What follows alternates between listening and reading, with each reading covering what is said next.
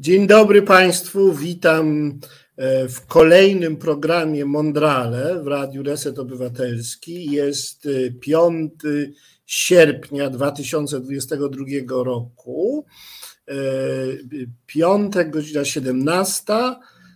Dzisiejszy program jest szczególny, bo jest programem mm, ostatnim tej serii. Zaczynają się wakacje tego programu. Nie będzie go już, nie będzie nowej, nowego wydania za tydzień, ani za dwa, ani za trzy. E, wkrótce pojawi się coś w jakiejś nowej formule. E, nasz, nasz program na razie się o tym dyskutuje, jak to będzie wyglądać. Więc tak czy inaczej jest to program ostatni w dotychczasowej formule i tym bardziej jakoś tam ważny. Tym serdeczniej wszystkich e, stałych i niestałych słuchaczy i słuchaczki e, witam i przypominam, że program Mondrale jest częścią mm, przedsięwzięcia medialnego, które się nazywa Reset Obywatelski. Jak sama nazwa wskazuje, jest to medium społeczne, czyli inaczej obywatelskie, e, poniekąd też amatorskie i bardzo prosimy, żeby nas wspierać, bo to się wszystko utrzymuje dzięki Państwa datkom na zrzutce, na Patronite czy wpłatom na konto. Reset to nie jest tylko radio internetowe mm, czy podcasty, ale to są również teksty pisane, e, to są materiały audio, wideo i tekstowe zebrane na portalu mm, Reset Obywatelski, na który Państwa zapraszam. E, drodzy Państwo, dzisiejsza audycja będzie filozoficzno-psychologiczna i będzie poświęcona e, no, bardzo trudnej i można powiedzieć takiej no, dostojnej e, problematyce kluczowej dla no, filozofii, dla wszelkiej nauki o człowieku i w ogóle dla wszelkiej nauki, problematyce świadomości. Będziemy próbowali zrozumieć, co to znaczy być przytomnym, uświadamiać sobie coś, e, e, wiedzieć coś, wiedzieć, że się jest, czuć swoje własne istnienie, e, mieć przekonanie o czymś, twierdzić coś, czuć się jakoś. To wszystko są akty świadomościowe i właściwie wszystko, co robimy, mm, z czym się identyfikujemy, no mimo że tam gdzieś pracują nasze e, wnętrzności pod na, jakby bez naszej wiedzy, e, to jednak to, z czym się tak bezpośrednio identyfikujemy, to jest ten strumień tych przebiegi, te przebiegi świadomościowe, te kolejne akty, w których sobie to czy tamto uświadamiamy, jakoś tam się czujemy, coś percypujemy, doświadczamy czegoś albo mm, e, czujemy, przeżywamy jakieś stany emocjonalne, uczucia, sądzimy coś, e, a więc mamy jakieś przeżycia e, poznawcze. No to, to wypełnia nasze życie i stanowi o nas. Jakoś tak wokół tego i z takich aktów lepimy naszą własną tożsamość i biografię, więc no, w pewnym sensie wszystko, co jest ważne, y, przechodzi przez naszą świadomość, co jest dla nas ważne. Musimy sobie to jako ważne uświadomić. Kartezjusz, e, y, jak wiemy, powiedział: Myślę, więc jestem. To jest takie zdanie, któremu nie można zaprzeczyć, no bo jakby ktoś powiedział, że go nie ma, to by sam sobie zaprzeczył. Albo jakby ktoś powiedział, że nie myśli, to przynajmniej E, e, oznaczałoby, że myśli, że nie myśli. E, więc nie można się wyłączyć. Prawda? Świadomość, tak bicie serca, nie można się z tego wyłączyć. I o tym wszystkim, o tym, jak to jest, że jesteśmy istotami świadomymi, a nie tylko jakoś automatycznie reagującymi na bodźce, ale jednak jakoś mający jakieś naoczne przedstawienia i, i jakieś poczucie siebie, i jakąś e, e, samowiedzę, wiedzę o sobie i jakąś taką jasność, przytomność siebie i świata. O tym będziemy rozmawiać e, z panem profesorem Michałem Wierzchoniem, który jest profesorem psychologii takiej eksperymentalnej chyba, jak rozumiem, z Instytutu Psychologii na Wydziale Filozoficznym Uniwersytetu Jagiellońskiego a także szefem Centrum Badań Mózgu na Uniwersytecie Jagiellońskim.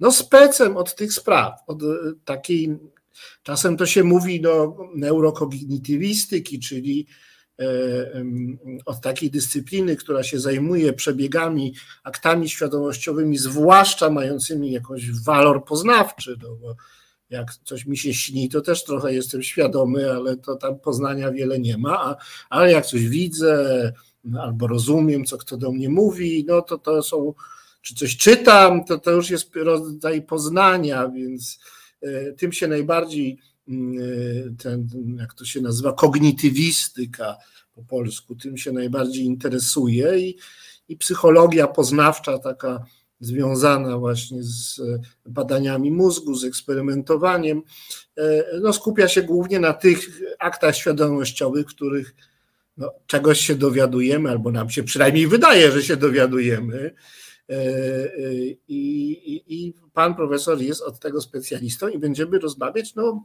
o świadomości i o mózgu. E, ale najpierw taki trochę mój wstęp. Zanim zadam panu profesorowi pierwsze pytanie, to chciałem powiedzieć takich parę rzeczy, które się ciągle powtarzają w teorii świadomości. Jak ktoś pisze książki świadomości, jakiś filozof, a wielu wielu to robi, to tam to się wszystko kręci wokół pewnych takich elementarnych rozeznań. No więc no, jedno to jest takie, że właśnie świadomość to się wyraża się, czy przejawia się tak aktowo, że to sobie uświadomię, albo tamto sobie uświadomię. Takie mam przeżycie, inne przeżycie, na przykład chcę czegoś, chce mi się pić, jestem świadom tego, że chce mi się pić, albo widzę, e, e, nie wiem, słoneczko na niebie, no to widzę, to jest jakiś kolejny akt, albo powiedzmy przypomina mi się coś, to jeszcze inny i że to są takie paciorki nanizane na taki sznureczek, taki, który się nazywa no, czasem strumieniem świadomości, czyli są akty i jest taka pewna ciągłość tych aktów, one tak przechodzą jedne w drugie. To jest jedna rzecz, którą się zauważa. One są akty i pewna taka ciągłość. No i że w, tej, w tych aktach i w tej ciągłości tam cały czas tam buzuje gdzieś pod spodem to ja, ja, ja, ja, ten podmiot, bo to ja widzę, ja chcę, ja pomyślałem, ja się czuję tak czy owak, no ja, ja, ja. I to ja, to każdy mówi to samo słowo ja, tylko w każdym przypadku to się odnosi do czegoś indywidualnego, tak się mi wydaje przynajmniej, no, takie poczucie jednopodmiotowości, czyli świadomość jest egologiczna, no, tak generalnie buduje ja i się opiera na ja i tego ja nie można zobaczyć. Znaczy ja to nie jest mózg, tak? Znaczy nie mogę wyjąć sobie z głowy E, mózgu, e, się prześwietlić i tam znaleźć ja. Choćbyśmy na pojedyncze neurony mózg rozłożyli, to, to co są przedmioty, ale ja jest podmiotem. To jest, to jest bardzo ważne. Generalna, nieprzekraczalna różnica między podmiotem i przedmiotem. Ja, ja nie jest niczym fizycznym, materialnym, e, a z drugiej strony, i to jest kolejna rzecz, którą bardzo łatwo jakoś sobie właśnie uświadomić, no, że, że świadomość zawsze jest zakorzeniona w ciele, a najbardziej nam się wydaje, że w głowie jakoś tak jest, że czujemy, że myślimy głową, a więc ona jest jednak wcielona, że ten podmiot jest zdecydowanie nie jest żadnym zjawiskiem, które można obserwować. Nie można zobaczyć ja, nie można zobaczyć świadomości, nie można pokroić mózgu tak, żeby zobaczyć tę świadomość, ale jednocześnie ten podmiot jest wy, w jakimś niefizycznym sensie jest wy, jest powiązany z, z ciałem, jest powiązany może w szczególny sposób z mózgiem. Kolejna rzecz, którą sobie wszyscy filozofowie świadomości w pierwszej godzinie uprawiania tej dyscypliny e, uświadamiają, to jest taka, że e, świadomość zawsze jest, e, ma podwójną orientację. Jest na coś nastawiona, czyli jako aktowa ma swój przedmiot. To się nazywa intencjonalność albo czasem uważność, taka atencyjność, więc jest na coś nastawiona. Ku czemuś, a z drugiej strony towarzyszy jej zawsze samowiedza, poczucie siebie, czyli jest intencjonalna, skupiona na, na czymś w każdym akcie, a jednocześnie w każdym akcie jest samą świadomością, czyli ja jakby świadomość coś oświetla, wydobywa, uczyni przedmiotem mojego doświadczenia, a jednocześnie w tej świadomości ja jako podmiot żyję, bo uświadamiam sobie własne istnienie. To jest kolejna rzecz.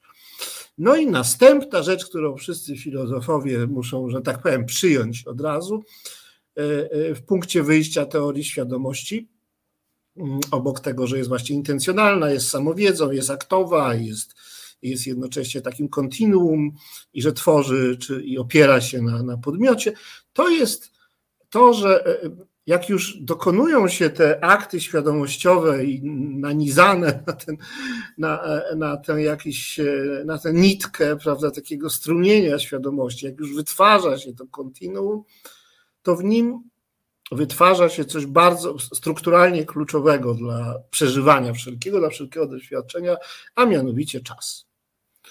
Przeżycie czasu, doświadczenie czasowości. Czyli podmiot się czasuje niejako, uczasawia, nadaje sobie strukturę czasową mm, e, dzięki tej właśnie własnej pracy kolejnych uświadomień sobie czegoś i samo uświadomień. E, I najważniejsza książka, jaką dotąd e, napisano o świadomości, wykłady z wewnętrznej świadomości czasu.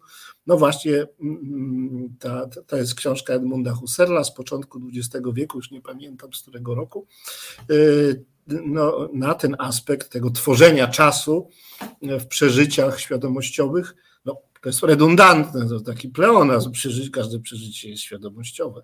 E, e, to, to o tym tworzeniu się czasu tam jest, tam jest mowa. Czyli mamy takie w punkcie wyjścia takie różne podstawowe spostrzeżenia. I teraz ja mam do pana profesora pytanie, którego zaraz zobaczymy, może już go pokażemy. Dzień dobry, panie profesorze. Dzień Mam nadzieję, panie profesorze, witam państwa. Dziękuję za zaproszenie. Mam takie pytanie. No, skoro wiemy, że nie możemy pokroić mózgu, żeby zobaczyć świadomości, rozumiemy, że świadomość nie jest żadnym przedmiotem, żadnym zjawiskiem, a zjawiska y, y, fizjologiczne czy inne przyrodnicze i wszelkie obiekty w rodzaju proces fizjologiczny, y, struktura neuronalna i tak dalej, to są korelaty świadomości, czymś, coś, co jest ze świadomością związane. To pytanie jest takie, w jaki sposób no, badanie mózgu może przybliżyć nas do rozumienia samej struktury aktów świadomościowych. Co nam z tego, że zobaczymy jakieś neurony, które się zapalają, pracują, w których są jakieś przepływy elektryczne e, e, w związku z dokonywaniem się aktów świadomościowych. Jaka jest, jaki jest pożytek z rozpoznawania takich korelacji między stanami mózgowymi, czyli zewnętrznymi, obiektywnymi, przedmiotowymi, a y, no, zupełnie przecież nie, y, nie poznawalnymi y, obiektywnie, przedmiotowo, instrumentalnie stanami, stanami świadomości, która dostępna jest no po prostu w bezpośredniej refleksji świadomością jest przecież tak, że no, trzeba być świadomym, żeby wiedzieć, czym jest świadomość. Tak, trzeba widzieć czerwone, żeby wiedzieć, czym jest czerwień. No, trzeba mieć akt świadomościowy, żeby wiedzieć, czym jest świadomość i żadne oglądanie preparatu, y, ani żadne obserwowanie zjawiska fizjologicznego samo w sobie nie jest doświadczeniem bycia świadomym podmiotem. Więc pytanie jeszcze raz co daje nam rozpoznawanie tych korelacji między zjawiskami przedmiotowymi, empirycznymi, a e, e, z aktami świadomościowymi? Bardzo trudne pytanie, na które, panie profesorze, bardzo trudno udzielić odpowiedzi, nie um, odnosząc się do jakichś założeń podstawowych, którymi badacze empiryczni w kontekście odpowiedzi na to pytanie się kierują. Dlatego, że badając świadomość i próbując sobie odpowiedzieć na pytanie, co mówią nam wyniki dotyczące korelacji pewnych stanów aktywacji neuronalnej, na przykład że ze świadomością, musimy przyjąć po pierwsze pewną definicję świadomości, czyli tego, czy w ogóle badamy. I ja sobie tutaj pozwalam dodać może do tego wprowadzenia pana profesora parę rzeczy, które wydają się, że z perspektywy jakby historii w ogóle badań nad świadomością są dosyć kluczowe. Dlatego, że pan profesor zwracał uwagę na ten wątek intencjonalności czy ukierunkowania na treść doświadczenia, jako czegoś, co dla świadomości jest fundamentalne. I zwraca pan e, profesor uwagę na ten wątek dotyczący samoświadomości. E, no ale mamy jeszcze to coś, co w ogóle stoi u podstawy świadomości, też na takim naszym subiektywnym doświadczeniu, mianowicie stan świadomości.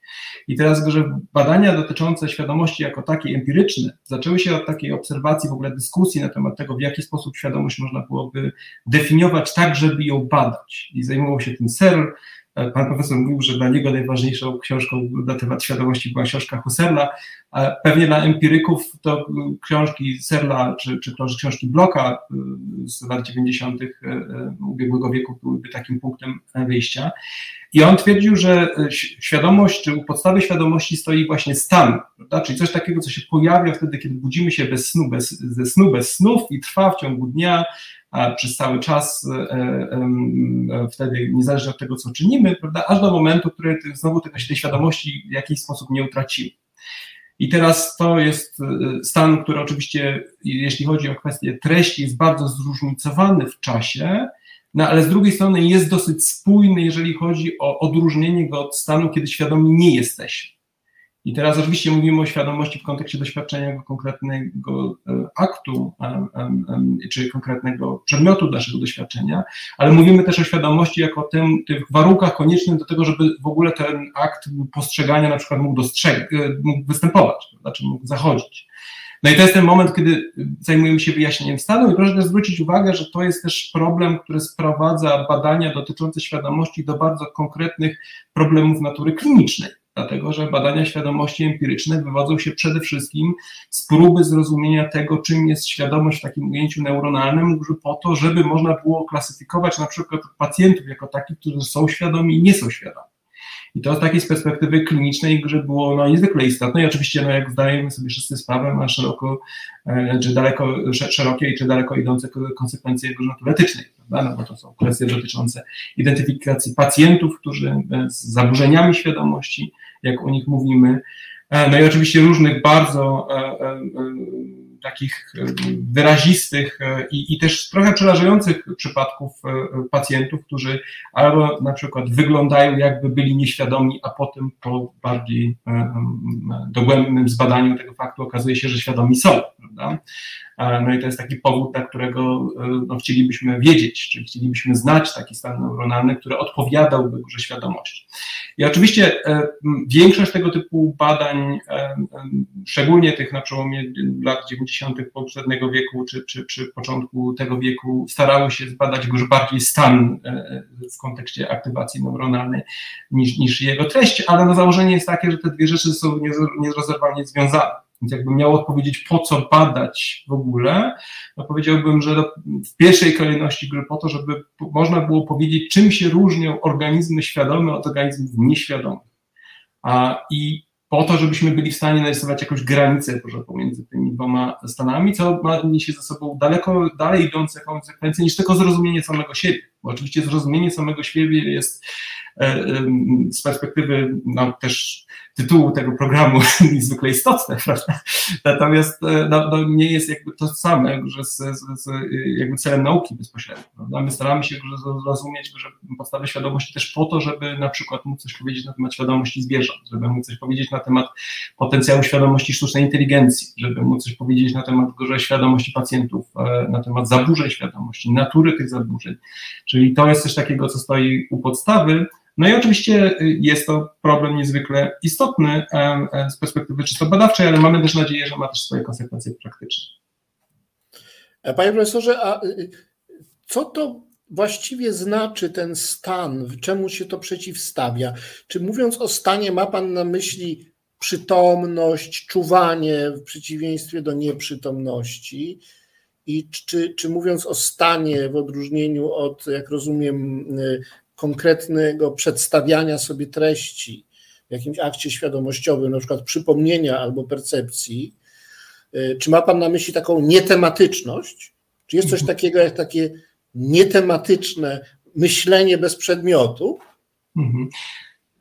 Może zacznę od pierwszej części tego pytania, bo na nie zdecydowanie prościej odpowiedzieć, bo tego wiele modeli bezpośrednio dotyczy. To znaczy, na pewno świadomość w ujęciu stanu nie jest tożsama z przytomnością ona z przytomnością bardzo silnie koreluje. To znaczy, w większości przypadków, im jesteśmy bardziej przytomni, tym jesteśmy bardziej świadomi, i to na to pokazuje nasze bezpośrednie doświadczenie, prawda? To znaczy, jeżeli jesteśmy w stanie, e, nie wiem, anestezji na przykład e, po jakimś zabiegu, prawda, no to jesteśmy mniej świadomi niż wtedy, że kiedy śpimy, prawda, jest w stanie, kiedyś jesteśmy tacy zaspani, ale już obudzeni, to jesteśmy bardziej świadomi niż wtedy, kiedy śpimy, no i tak dalej, i tak dalej, do, do, do pełnego czuwania, ta korelacja niewątpliwie występuje. Ale mamy też w literaturze opisanych bardzo wiele przypadków wtedy, kiedy ta korelacja zaczyna ze sobą, e, e, staje zaburzona. I e, no, takim klasycznym przypadkiem jest na przykład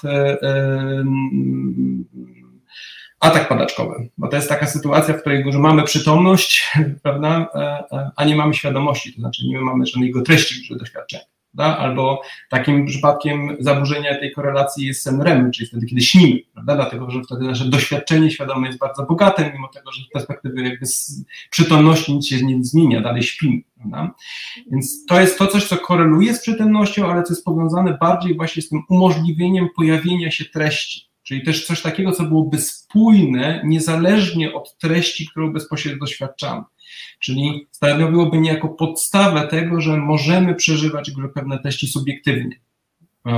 I w tym sensie też ten stan jest nierozerwalnie powiązany z doświadczeniem takim e, określonego obiektu, prawda? czyli tą aktowością, podmiotowością, o której pan profesor mówił, dlatego że my musimy być w tym stanie, żeby na przykład doświadczać świata zewnętrznego, wtedy mówimy o świadomej percepcji, albo doświadczać swoich wspomnień, że no to wtedy mówimy o świadomej pamięci albo no, doświadczać interoce, jakichś doświadczeń interoceptywnych, no to wtedy mówimy o jakiejś tam auto, czy, czy, czy samo e, świadomości w takim ujęciu cielesnym, prawda? Możemy też mówić o tym w kontekście takim rozumowym bardziej. Czyli treść jest tutaj niejako wtórna wobec samego tego procesu, który umożliwia przetwarzanie treści, niezależnie od tego, jaki ten proces jest. I w, ty, w tym sensie, że mówimy o tym stanie jako coś takiego, co stoi u podstawy. No i oczywiście potem miałoby być już powiązane z, z łączeniem tego z mechanizmami wyjaśniającymi przetwarzanie różnych treści. Natomiast teraz wracając do tego pytania pana profesora, czy może być że stan bez określonej treści? No, y, jeden z poprzednich y, odcinków był, y, gościł pan profesor, pana profesora Przygosławskiego, jeśli dobrze pamiętam, w związku z tym wydaje mi się, że e, e, mnisi tybetańscy twierdzą, że tak się da, to znaczy, że można rzeczywiście że mieć e, takie doświadczenie czystej świadomości tak zwanej, czyli takiej świadomości bez treści, i e, trzeba przyznać, że wielu badaczy świadomości próbuje to w jakiś sposób badać. Zresztą też dlatego badania medytacji empiryczne są jedną z takich bardzo popularnych obszarów badań dotyczących subiektywnego stanu świadomości.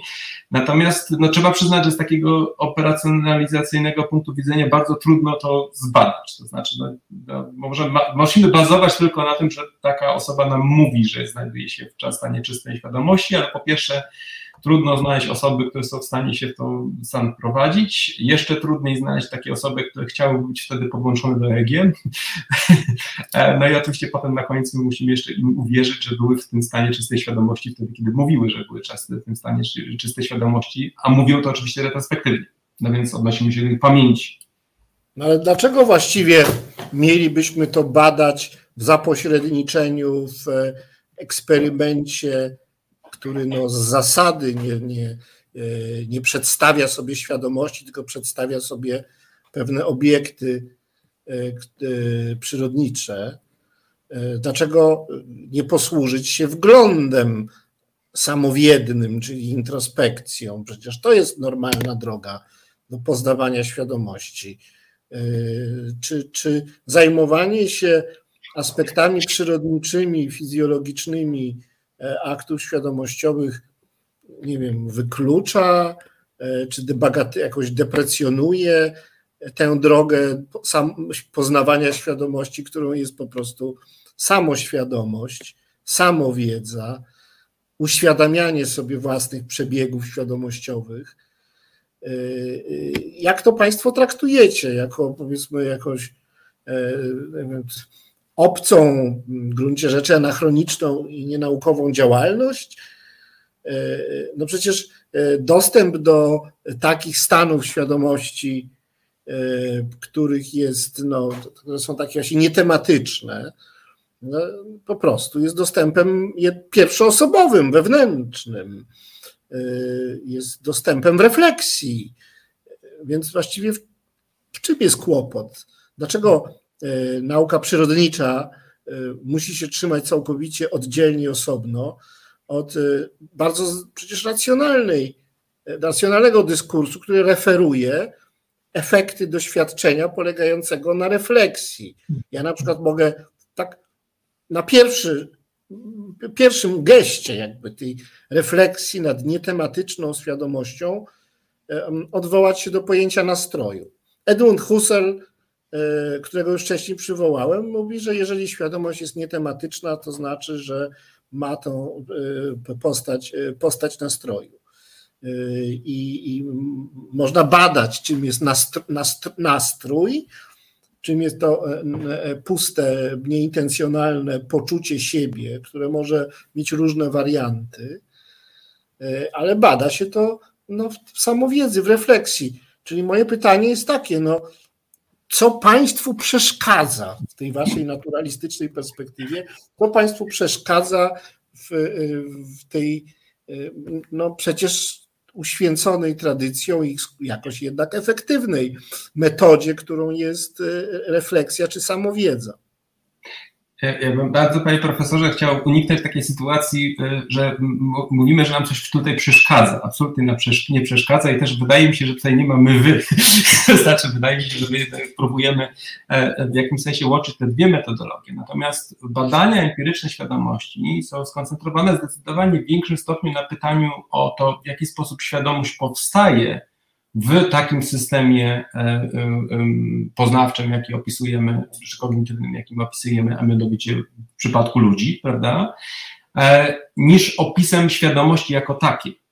My stosujemy metody introspektywne zresztą siłą rzeczy, dlatego że jeżeli badamy że mechanizm, prawda, że badamy to, w jaki sposób że nasze subiektywne doświadczenie powstaje, no to siłą rzeczy odnosimy się też do metody introspekcyjnej, chociażby po to, żeby powiedzieć, y, kiedy osoba jest świadoma albo kiedy nie jest świadoma. Kiedy świadoma jest rzeczy A albo świadoma jest rzeczy B. Albo wtedy, kiedy, kiedy y, no, te jakość świadomości niesie ze sobą jedne albo drugie treści.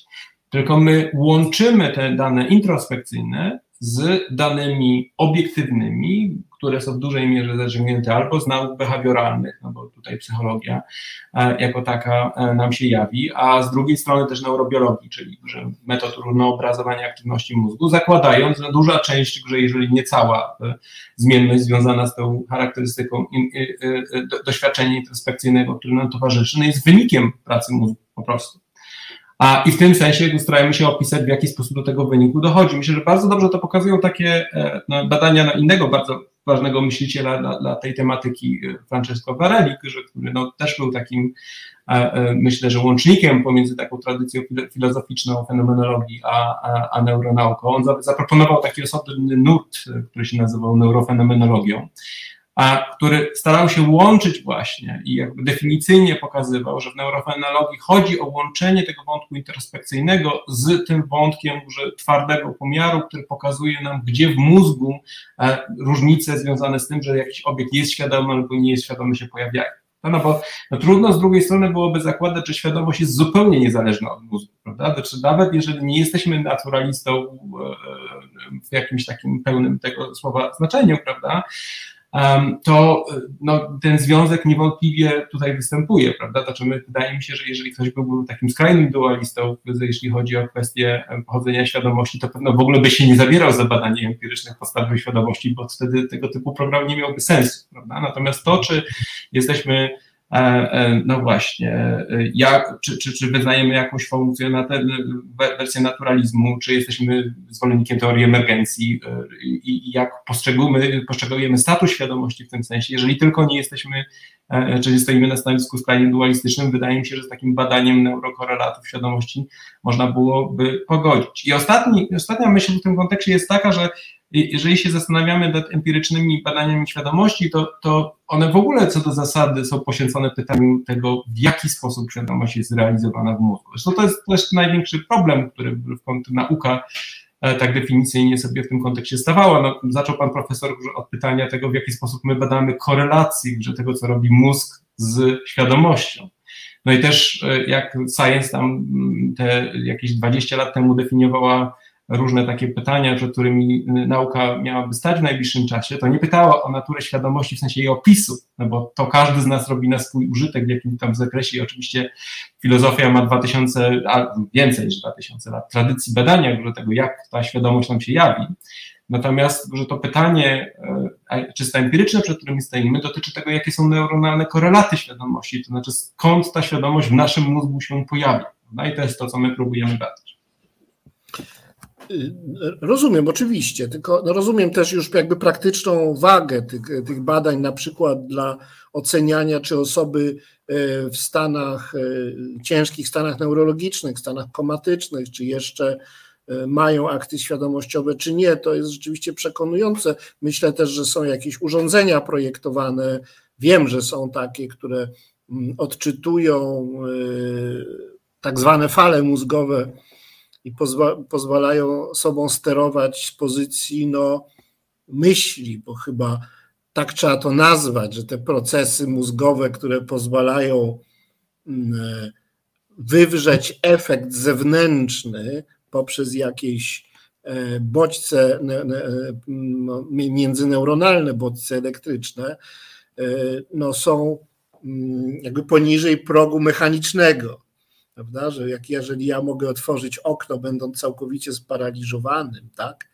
Za pomocą myśli, a dzisiaj są, jest taki interfejs, to jest jednak, mimo że tam jest oddziaływanie fizyczne, no bo jakiś przepływ elektryczny w tym mózgu jest, to jednak to jest trochę co innego niż zrobić to rękami, a nawet wypowiedzieć słowo, prawda? Także to jest rzeczywiście, ja widzę taki ten cudowny potencjał tego rozpoznania tych tajemnic mózgu. Ja to doceniam, tylko opowieść o mózgu nie jest opowieścią o świadomości. Chodzi mi o tę, tę przepaść między obiektywnością, przedmiotowością, e, empirycznością, a subiektywnością, podmiotowością, no o ten dualizm kartezjański po prostu mi chodzi, który wisi nad tym wszystkim. Jak w ogóle go można e, pokonać? No, neuron nie przestanie być nieświadomym e, przedmiotem, choćby go zmultiplikować biliony razy, to jest tylko jakąś komórką. No. E, I mózg też jest kawałkiem ciała materialnego, choćby nie wiem jak skomplikowanego, to jednak jest zewnętrznym obiektem. I powiedzenie, że on ma świadomość, że świadomość jakoś tam w nim jest, czy z niego wychodzi, tak jak jakiś miazmat, opar, czy że jest jego jakąś własnością, jak ciężar na przykład, no przecież nie wniesie nic do wiedzy o świadomości, która bezpośrednio zawsze jest tak jak wiedza o kolorach. No jest po prostu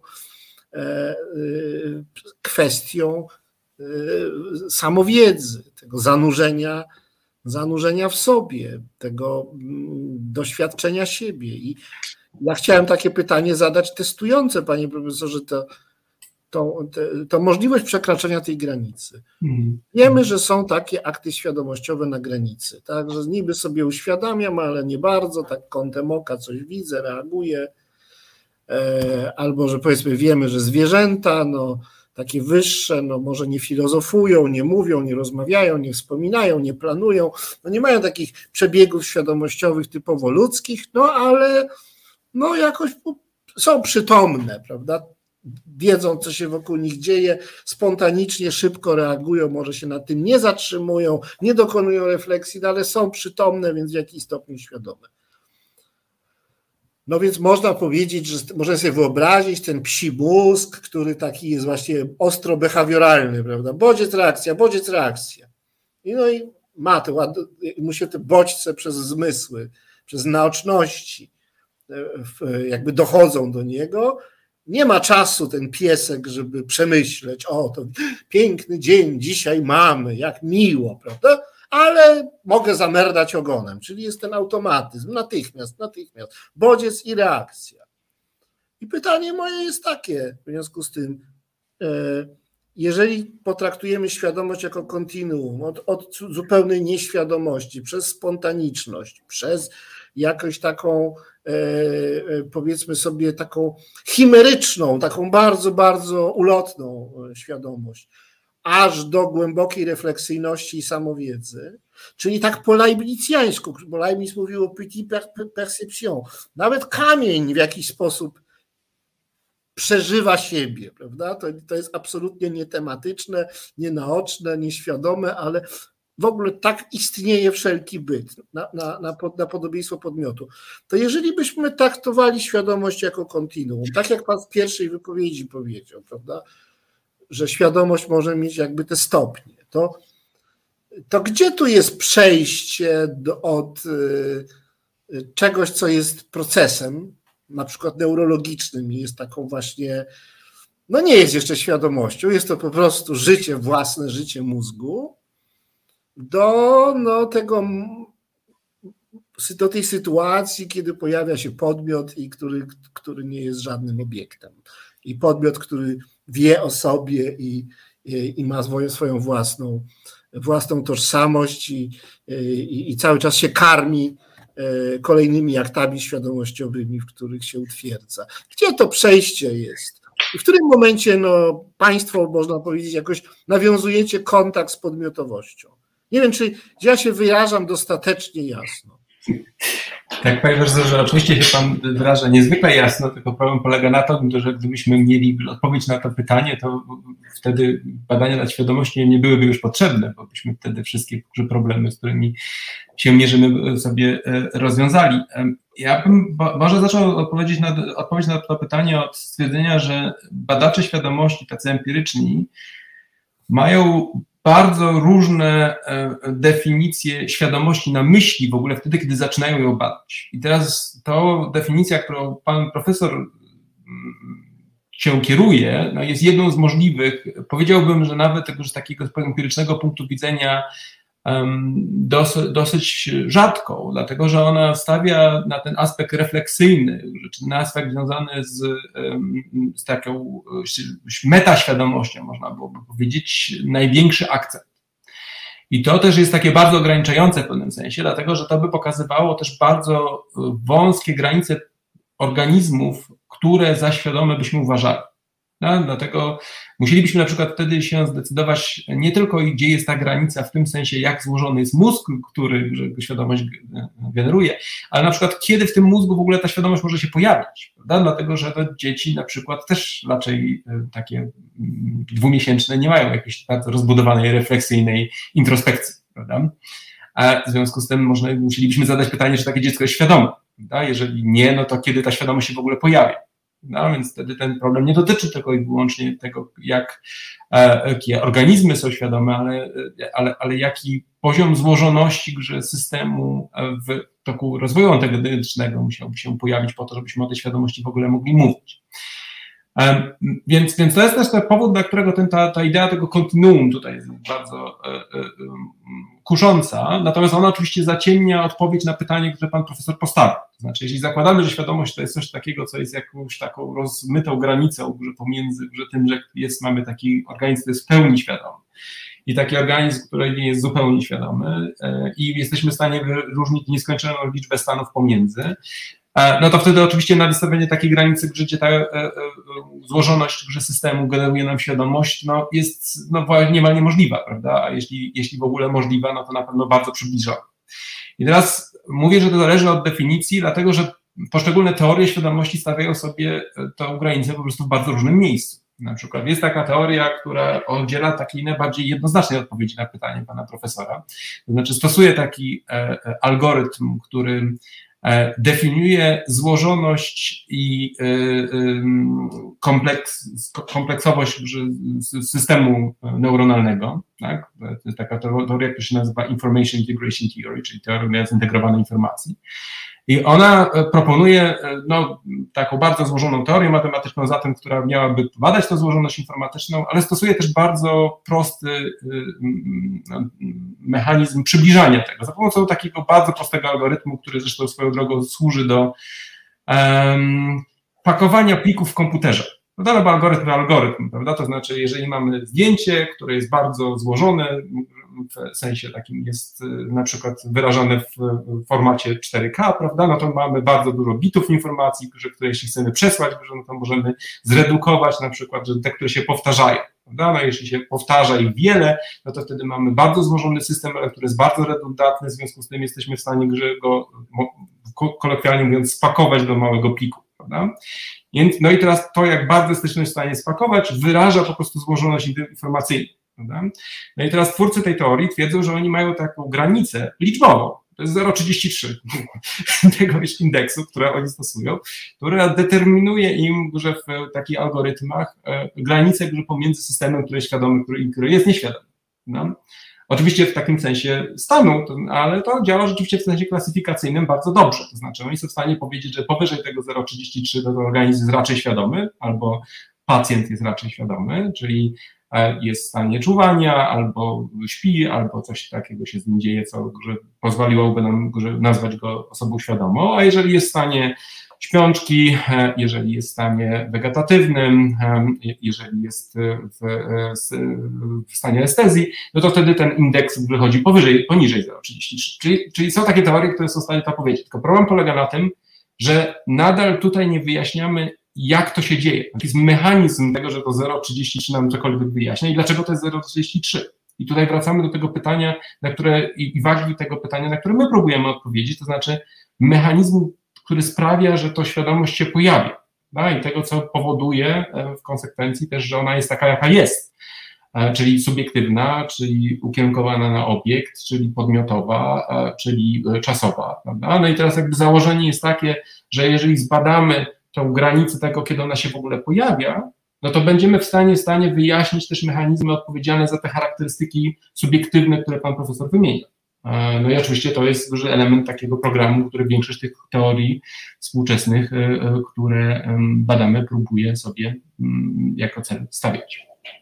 Hmm, to ciekawe wszystko, czyli, czyli można powiedzieć, że metody rozpoznawania stanów świadomych, metody empiryczne się stają tak bardzo subtelne, że można sobie, jak przy pewnej sprawności i wprawności, jakby wyobrażać, tak, w jakim stanie jest podmiot, którego stan mózgu jest określony, taki to taki. Czyli ta moja własna samowiedza, introspekcja, ta zdolność refleksyjna, ta moja silna świadomość, czy metaświadomość, jak Pan powiedział, przydaje mi się na etapie rozumienia tej informacji naukowej o stanie mózgu, na przykład pacjenta. Tak? Ja dostaję jakiś wskaźnik, jakiś opis stanu nie wiem, kory czołowej i różnych elementów mózgu. I jak umiem to czytać, tak jak lekarz, który czyta USG, tak, to mogę sobie trochę wyobrazić, odtworzyć, w jakim stanie jest ta osoba druga. I to jest coś takiego? Nie, nie wiem, czy tutaj ta analogia jest aż tak bezpośrednia, natomiast e, rzeczywiście jakby ta idea postrzegania jakby, świadomości u innych tutaj jest obecna w ogóle u podłoża jakby całej idei badania świadomości w takim ujęciu empirycznym. Dlatego, że e, no, my oczywiście musimy przyjmować jakąś wersję ujęcia trzecioosobowego. Da, to znaczy, no, ja nie jestem w stanie badać tylko i wyłącznie swojej świadomości, no bo też te metody, które stosujemy, no, nie pozwalają na wyciąganie wniosków na poziomie pojedynczych pomiarów ja muszę mieć całą grupę osób, która e, e, no, coś robi powiązanego ze świadomością, żebym ja był w stanie stwierdzić, że na przykład wyuczyć mój algorytm do klasyfikowania tych osób, tych, tych osoby na te, które są świadome i które nie są świadome. Więc w tym sensie w ogóle podłoża tego założenia, że stoi, że to, ten program, o którym pan profesor mówił, to znaczy no, wystosowania własnej świadomości do zrozumienia mechanizmu świadomości innych. Prawda? I to oczywiście w filozofii przecież też było obecne od bardzo dawna, prawda? Też rozwój współczesnej wersji fenomenologii na przykład, że odnosi się do jakiejś formy E, rozwoju metod, które służą właśnie zasypaniu tej dziury już nie tylko w ogóle pomiędzy tym, co subiektywne i tym, co obiektywnym, czyli tym, e, e, tym problemem, o którym pan profesor wspominał, który nazywamy w filozofii problemem psychofizycznym, prawda, ale też zasypaniem tej dziury pomiędzy obserwacją pierwszoosobową i trzecioosobową. No, dlatego, że introspekcyjnie my byśmy chcieli zawsze mówić o swojej świadomości, bo to jest też dane bezpośrednio. Natomiast y, no, my mamy też taką tendencję, że stosowania wniosków na temat swojej świadomości szeroko, prawda? Na przykład ja zakładam, że pan profesor jest świadomy i pewno w drugą stronę działa to tak samo. E, I teraz stosujemy do tego nasze zdolności poznawcze, prawda? Znaczy wnioskujemy na podstawie pewnych zachowań, że pewnej e, ciągu rozmowy, prawda? Pewnego wspólnego wnioskowania o tym, że wzajemnie e, wymieniamy myśli, prawda? Czyli zachodzą u nas procesy rozumowe, które wiążemy ze świadomością w takim ujęciu, w jakim ta profesor na początku definiował. To jest w ogóle problem intersubiektywności narodzin, tej, tej pierwszej obiektywnej struktury, jaką jest e, no, wspólnota bytów wzajemnie o sobie domniemujących, że są świadome czy podmiotowe, e, ten problem jest absolutnie kluczowy dla w ogóle epistemologii, dla wszelkiej teorii poznania. Nie tylko poznania tego, czym jest poznanie, czy czym jest wiedza, czy czym jest świadomość. E, I oczywiście e, taka, taka świadoma nauka neurologiczna e, o, o, o świadomości, czy, czy psychoneurologiczna o świadomości, no musi jakoś opowiadać o tym, jak dochodzi do tego, że my możemy prawomocnie uznać inny być za świadomy, a więc zacząć tworzyć z drugim ja, z drugim podmiotem wspólnotę w świadomości. Bo to nie jest tylko tak, że ja jestem świadomy i ty jesteś świadomy osobno i że mamy jakieś, nie wiem, neurony lustrzane, które pozwolą mi domniemywać, że skoro pan się uśmiecha i kiwa głową, czyli robi coś, co ja też robię, to, to pewnie ma pan świadomość tak jak ja. Y, y, to jest coś znacznie więcej, prawda? Ja mogę być podmiotem pod warunkiem, że się konfrontuję z innymi, że uznaję w innych ich podmiotowość. I e, każdy musi trochę dostać ode mnie tej podmiotowości, przejrzeć się w moich oczach i wzajemnie. To jest bardzo, bardzo ważne, e, ta e, ponadindywidualny aspekt podmiotowości, ale rozumiem, że to nie, tego się nie da wygenerować z wiedzy o mózgu, bo mózg każdy ma jeden. Ale, ale gdzieś trzeba w pewnym momencie dotknąć tego problemu intersubiektywności, który jest po pierwsze problemem w ogóle świadomości, bo ona zawsze jest jakoś tam intersubiektywna i podmiotowość zawsze jest nie tylko indywidualna. Tu ktoś pisał, że, że mrówki mają zbiorową świadomość, prawda? Coś w tym jest, prawda? Tworzymy we wspólnocie e, jakąś taką, można powiedzieć, otoczenie, które jest ogółem warunków możliwości tego, że indywidualnie możemy być podmiotami świadomymi.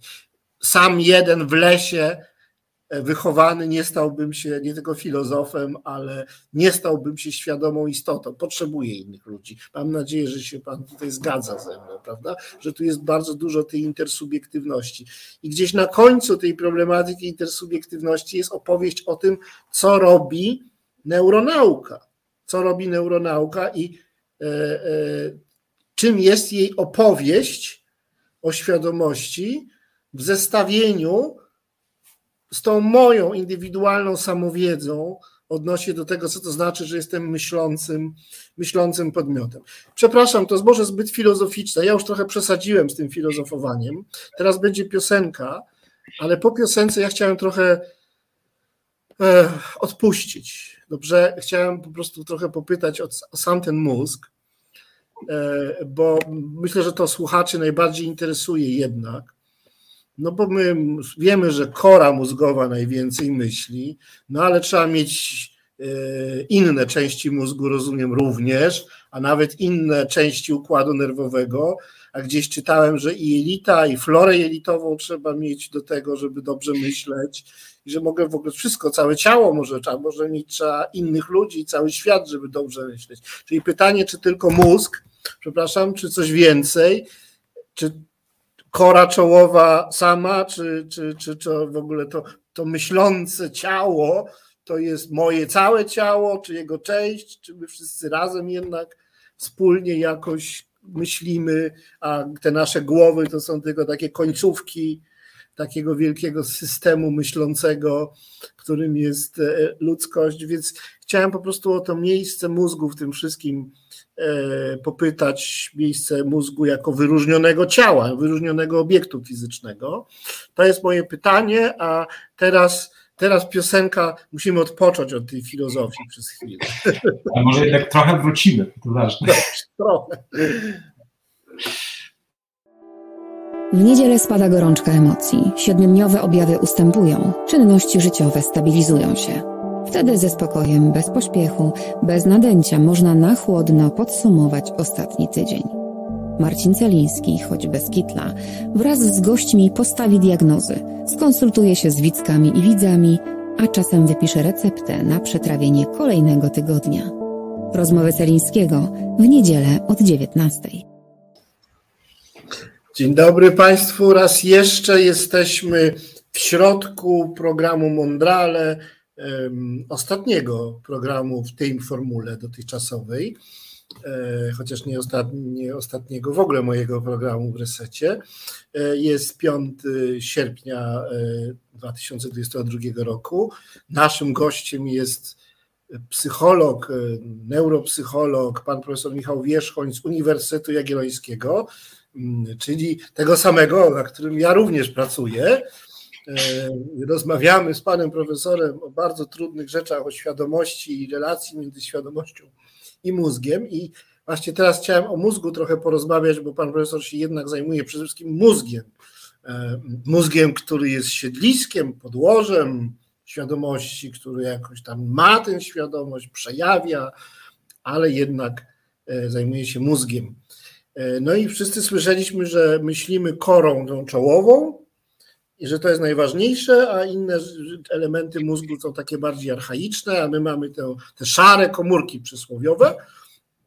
No ale chyba cały mózg jest potrzebny i moje pytanie, czym jest to ciało myślące, jaka jest wybitna i wyjątkowa rola tej, tej kory czołowej i czy możemy się, bez, czy możemy mózg umieścić w słoiku i on będzie dalej myślał, jak będzie natleniony, czy jednak potrzebujemy wszystkiego, całego ciała i może nawet innych ciał, że my musimy mieć coś więcej niż bodźce e, elektryczne napływające przez nerwy wzrokowe czy słuchowe, tylko naprawdę całym ciałem e, myślimy i to myślenie, ta świadomość to jest jakiś epifenomen tam unoszący się, emanujący z całego ciała, czy też to naprawdę chodzi o o tę część mózgu, która ma e, taką fantazję, że produkuje taką właśnie przytomność, samo, samowiedną przytomność i naoczność.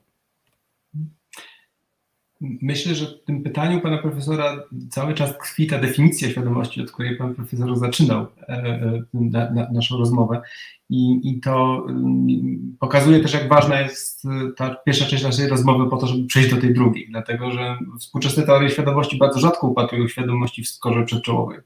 E, I czynią to właśnie ze względu na bardzo silne rozróżnianie pomiędzy procesem rozumowania a procesem uświadomienia. I to oczywiście jest decyzja natury teoretycznej. To znaczy, my po prostu wtedy, kiedy zastanawiamy się nad świadomością, to staramy się oddzielić świadomość od innych procesów, które mamy całkiem dobrze opisane już w naukach kognitywnych i którymi tak się składa, no, często zajmuje się właśnie ta kora przedczołowa, o której pan profesor twierdził i wydaje mi się, że ostatnie 20 lat badań w dużej mierze stara się pokazywać, w jakim zakresie ta kora przedczołowa właśnie nie jest związana z świadomością, chociaż wciąż e, nie jest tak, żebyśmy uważali, że nie jest związana całkiem. Także dużo, dużo badań świadczących o jej roli wciąż tutaj by się pojawiało. Więc myślę, że dobrze byłoby najpierw pokazać, jak my definiujemy świadomość tak już operacyjnie w odniesieniu do innych procesów, to znaczy od czego próbujemy oddzielać po to, żeby dobrze zrozumieć, co my przez nią w takim ujęciu empirycznym zazwyczaj rozumiemy. Bo mówiliśmy też o naszym doświadczeniu introspekcji, ale w naszym doświadczeniu introspekcji te wszystkie procesy ze sobą naturalnie powiązane. Na przykład e, wiemy, że istnieje coś takiego jak percepcja. Prawda? I teraz ta percepcja może być świadoma i subiektywna, i że dostarczać nam że jakiś indywidualny odbiór świata zewnętrznego, no ale, świadom, ale percepcja jest też procesem, który jest związany po prostu z odbiorem bodźców zewnętrznych. No? I ona absolutnie nie musi być subiektywna. Co więcej, mamy dużo przykładów sytuacji, w której percepcja działa, zanim my w ogóle się jakby świadomie skoncentrujemy na jej treści, czy, czy samym akcie percepcyjnym. No? Mamy nawet całkiem dobrze opisane modele, które pokazują, jak to się dzieje. To znaczy, na, mamy taką drogę w naszym e, mózgu przebiegu informacji, ona się nazywa drogą grzbietową, która łączy korę pierwszorzędową wzrokową, czyli taką, która jest w tyle naszej głowy, z rejami motorycznymi, które są tak mniej więcej na czubku. E, I e, ta droga szybko pozwala nam na reagować na pojawienie się na przykład bodźców zagrażających środowisku. Czyli jeśli coś leci w naszą stronę, to my się usuwamy, prawda? I, I to jest wynik percepcji, to, że my się usuwamy, ale nie jest jakby to przedmiotem naszej świadomości, przynajmniej w takim sensie, o jakiej, o jakiej pan profesor o nim mówił wcześniej. Prawda? To znaczy, to nie jest przedmiotem refleksji prawda? bo się to dzieje za szybko, żeby ta refleksja w ogóle mogła mieć miejsce. Prawda? Nie jest przedmiotem subiektywności w tym sensie, że to no, my mamy jakieś doświadczenie, które jest subiektywne, powiązane z tym, że ten obiekt nadchodzi. My bardzo często nawet nie wiemy, co to jest, a, a, ale reagujemy na ten bodziec, prawda? Więc percepcja jest taką rzeczą, którą e, bardzo często gdzieś tam próbujemy od, od świadomości od, e, odróżniać i to robimy często i w ogóle klasycznie w teorii poznawczej robiono to na przykład pokazując, że przypadki czegoś, co nazywaliśmy percepcją nieświadomą. I była cała taka działka badań, która stara się pokazać, że istnieje coś takiego jak percepcja nieświadoma. Um, więc, to jest jakby jedna, jedna taka definicja, natomiast kontek- czy, czy rozróżnienie, natomiast w kontekście rozróżnienia tych, y, rejonów czołowych, o których pan profesor mówił, no to jest cała baza tych pro, pro, procesów, które są powiązane z nadzorem nad przebiegiem procesów poznawczych, czyli na przykład e, kontroli poznawczej, tak? czyli tego, że jakby zachowuje, kontrolujemy, że wykonujemy operacje w taki, a nie inny sposób, prawda? albo że na przykład zwracamy naszą uwagę na bodziec A, nie na bodziec B. I teraz no siłą rzeczy, jeśli zwracamy uwagę na na przykład na ten oto obiekt, prawda, i Państwo tutaj pokażę go Państwu i Państwo będą za nim wodzić wzrokiem, bo Państwa o to poproszę, to będzie to wynikiem procesu przetwarzania informacji i ukierunkowania uwagi. I co więcej będzie wpływało na Państwa świadome doświadczenie, prawda, to znaczy no, państwa, treścią Państwa świadomego doświadczenia stanie się że ten obiekt, który pokazałem, no ale niewiele nam to będzie mówiło na temat mechanizmu świadomości samego w sobie. To znaczy świadomość będzie konsekwencją tego ukierunkowania uwagi, ale nie będzie jakby, no, uwaga jest niejako osobnym procesem od, od samego uświadomienia. Prawda? Że nie muszą Państwo ukierunkować tej uwagi, e, żeby um, znaczy właściwie muszą Państwo ukierunkować uwagę, żeby stać się świadomymi, prawda? Natomiast to nie jest tak, że uwaga jest tożsama ze świadomością, prawda? Jesteśmy w stanie zesocjować, jesteśmy w stanie wyobrazić sobie taką sytuację, kiedy uwaga nie jest ukierunkowania, a mimo tego jesteśmy czegoś świadomi. Więc takie rozróżnienia są bardzo ważne po to, żebyśmy byli w stanie pokazać to, co chcemy badać i skontrastować to z tym, czego nie chcemy badać. I to w badaniach świadomości jest niezwykle trudne, dlatego że musimy pokazać, że nie tylko sytuacje, kiedy porównujemy, kiedy osoba badana jest świadoma i nie jest świadoma. No oczywiście mówiliśmy o tym, o tym kontekście klinicznym, ale w badaniach eksperymentalnych najczęściej chodzi o to, żeby ta osoba była świadoma albo nieświadoma tego obiektu, na którym jest ukierunkowana nasza świadomość, prawda? Czyli jestem świadomy tego obiektu, jestem świadomy innego e, obiektu, jestem w stanie rozróżnić pomiędzy tymi dwoma obiektami i tak dalej. No i drugi element jest taki, że chcemy, żeby to doświadczenie było subiektywne, tak? I teraz ten, ten, ten subiektywność jest tutaj kluczowa, bo ona jest definicyjną częścią świadomości, bo ona sprawia, że no, mamy takie wrażenie, że ta nasza świadomość jest jakaś inna, unikalna, nasza, prawda? odnosząca się do ja i tak dalej, i tak dalej.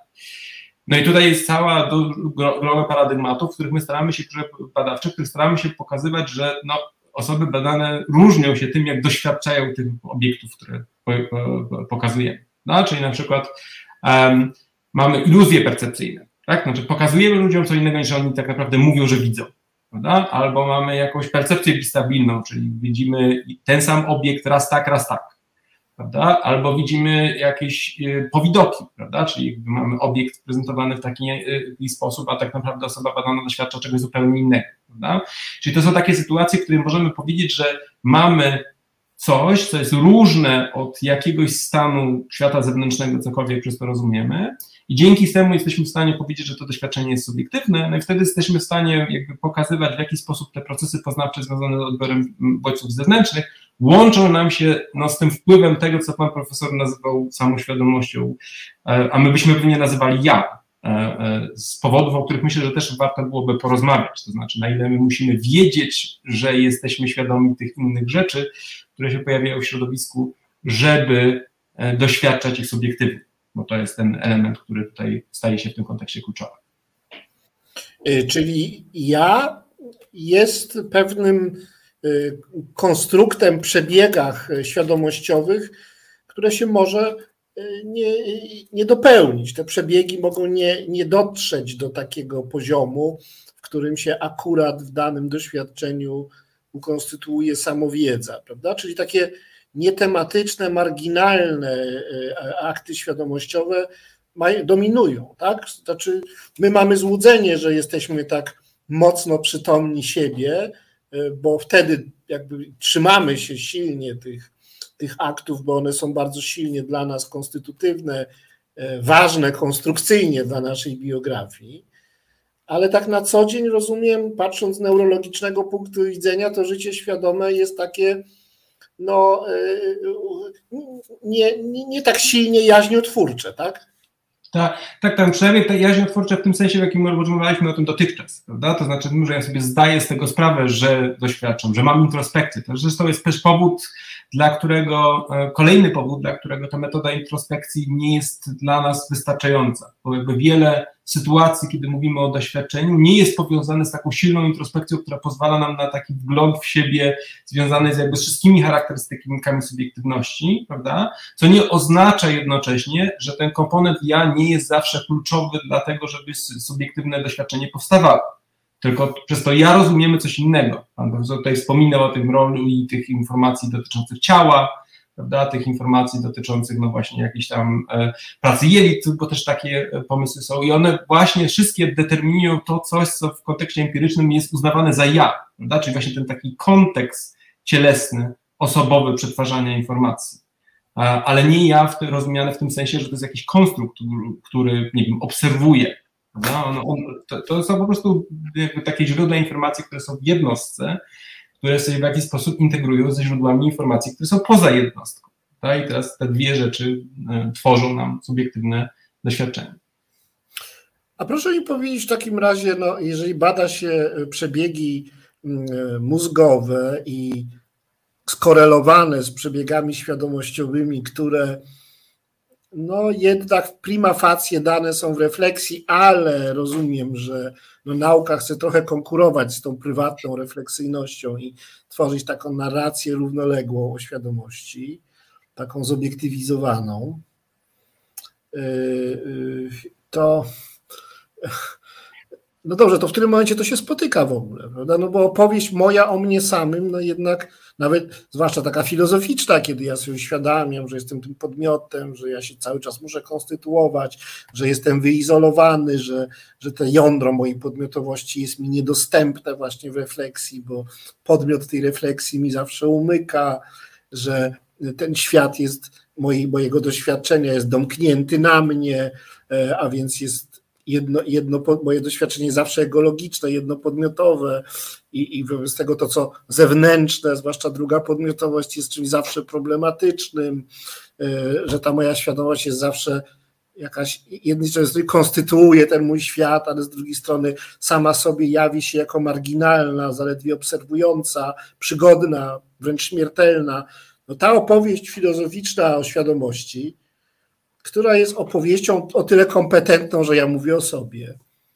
Poniekąd tak pewną, jak to, że no nikt mi nie odbierze tego, że myślę, że jestem w pokoju e, w centrum Warszawy i że jest piątek i tak dalej. I może się mylę, ale nikt mi nie odbierze tego, że tak właśnie myślę.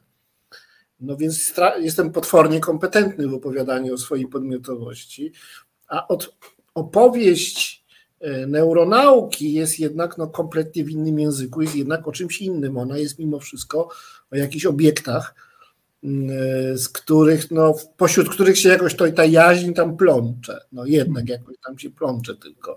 I nie jest najważniejsza.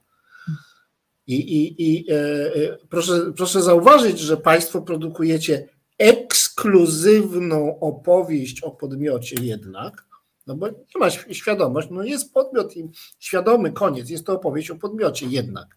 Nawet jeżeli jest to ubrane w opowieść o mózgu, to jest to opowieść o, o podmiocie. A po drugiej stronie jest opowieść podmiotu o sobie samym. I Państwo też jesteście jakimiś podmiotami, które intersubiektywnie wytwarzają opowieść o podmiocie, która się nazywa neuroscience albo jakoś tak, czy kognitywistyka. Czy rozumie Pan problem metodologiczny? Także wy produkujecie ekskluzywną opowieść o podmiotowości.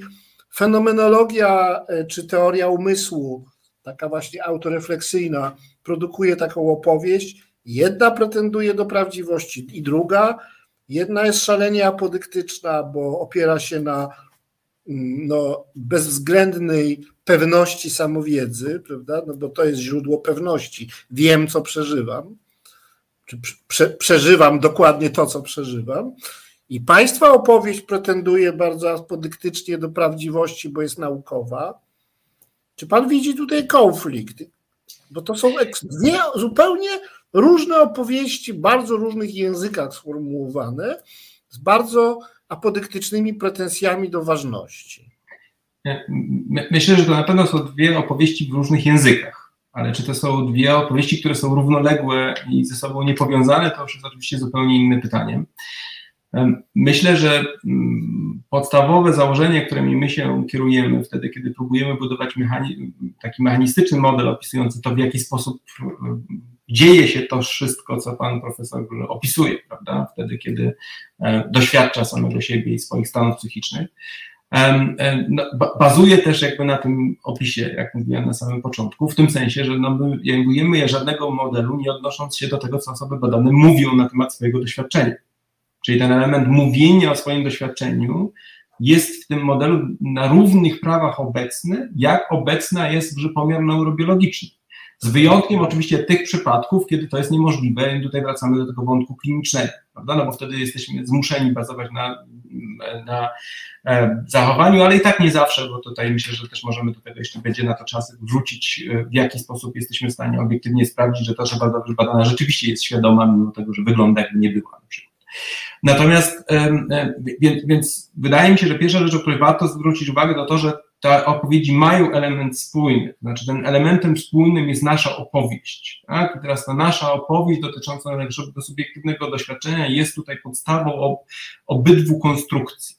Tylko, że każda z tych, z tych opowieści, czy każda z tych modeli, e, czy ka każda z tych, z tych rekonstrukcji, myślę, że można byłoby je nazwać, e, wybiera sobie z tej opowieści te, które są e, kluczowe dla jakby tej, tej, tej opowieści, którą próbujemy budować. No i teraz my próbujemy budować opowieść, która jest wyrażalna za pomocą naszej metodologii. My nie mamy pretensji do rozwiązywania problemu dotyczącego na przykład problemu fizycznego w sposób e, definitywny. Znaczy te badania, które my robimy, nie mówią na przykład, że na 100%, jeśli odkryjemy neuronalny korelat świadomości, który w dużej mierze będzie w stanie nam przewidywać to, czy dana osoba będzie świadoma albo nie, albo nawet przewidywać, czego będzie świadoma, bo to jest możliwe, znaczy są badania, które na przykład że są w stanie z dosyć dużo, dużo prawdopodobieństwa powiedzieć, czy w tym momencie doświadcza Pan na przykład że, y, y, wspomnienia, nie wiem, twarzy Halle Berry versus twarzy innej osoby, prawda? Znaczy to poziom y, pomiaru neurobiologicznego jest, dotyczącego treści świadomości jest już na tyle dokładny. Znaczy tutaj rzeczywiście to odzwierciedlenie jest niezwykle precyzyjne, to wciąż nie mówi, że nie, nie, nie ma tam jakiegoś aspektu adytywnego. Prawda? To znaczy, my nie stawiamy sobie zadanie od definitywnej odpowiedzi na temat relacji psychofizycznej albo tego, czy model emergentny jest dużo prawdziwy. Prawda? No my, my, po prostu zakładamy, że model dualistyczny no jest nieprawdziwy, dlatego że wtedy o zależności, w ogóle badanie tej korelacji nie miałoby za bardzo sensu, bo to byłoby korelacja pozorna. Prawda? To znaczy, byłaby jakaś inna zmienna, która by wyjaśniała, że ta korelacja w ogóle zachodzi i ona nie mówiłaby nic innego interesującego w takich kategoriach mechanistycznych, czyli nie wyjaśniałaby nam tego, skąd się świadomość bierze. Ale takiej z perspektywy teoretycznej e, my możemy zakładać jakąś właśnie teorię inercji, możemy zakładać, że e, e, jak, jakąś wersję też pan psychizmu, pan profesor tutaj wspomniał o tym, że Husserl jest znowu i tym kamieniu, prawda, więc, więc tutaj też możemy uznać, że będziemy próbowali grze opisać grze, y, świadomość y, właśnie w tej korelacji, dopuszczając, że są takie um, realizacje świadomości, których my nie jesteśmy w stanie zbadać, prawda? Dlatego, że one nie dotyczą na przykład tego, co jesteśmy w stanie badać z wykorzystaniem metod neurobiologicznych, a mianowicie świadomości generowanej przez system biologiczny. Prawda? W takim wersji, w jakim my to znamy. Prawda? No bo to jest ta, ta opowieść o sztucznej inteligencji też gdzieś tam ukryta, prawda? I ten, ten, ten nasz lęk, czy, czy sztuczna inteligencja okaże się świadoma, że y, będziemy mieli jakiś problem związany z tym w kontekście interakcji z takim systemem, który sami skonstruowaliśmy na swoje podobieństwo w jakimś tam zakresie.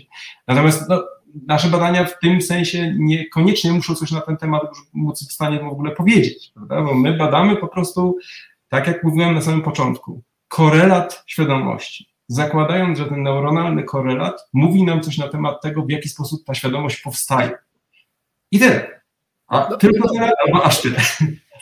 No, oczywiście Państwo zajmujecie się mózgiem ludzkim, więc no, genealogią świadomości w tym konkretnym przypadku, ale rozumiem, że nie przyjmujecie Państwo założenia, że jedyną mm, biologiczną, czy w ogóle cielesną, fizyczną podstawą e, no, aktów niefizycznych. No w jakimś sensie jednak musimy zachować to rozróżnienie, bo jednak e, podmiot i jego akty nie są tym samym, co zjawiska fizyczne, mm, więc e, można na, zawsze mówić o jakiejś podstawie fizycznej czy przedmiotowej, obiektywnej czegoś, co jest podmiotowe, subiektywne i niefizyczne rozumiem, że Państwo nie zakładacie, że tylko i wyłącznie mózg może być świadomy, bo tym ciałem, które, że tak powiem, użycza siebie jako podłoże aktów świadomych, może być co innego niż mózg. Czy Pan sądzi, że mm, komputer e, czy jakiś procesor może być takim właśnie takim fundamentem cielesnym dla aktów podmiotowych? Płynnie przeszedł pan profesor z pytanie, co my uważamy, na pytanie, co ja uważam. Tak, tak, tak. tak. Sobie zacząć od my, a skończę na ja.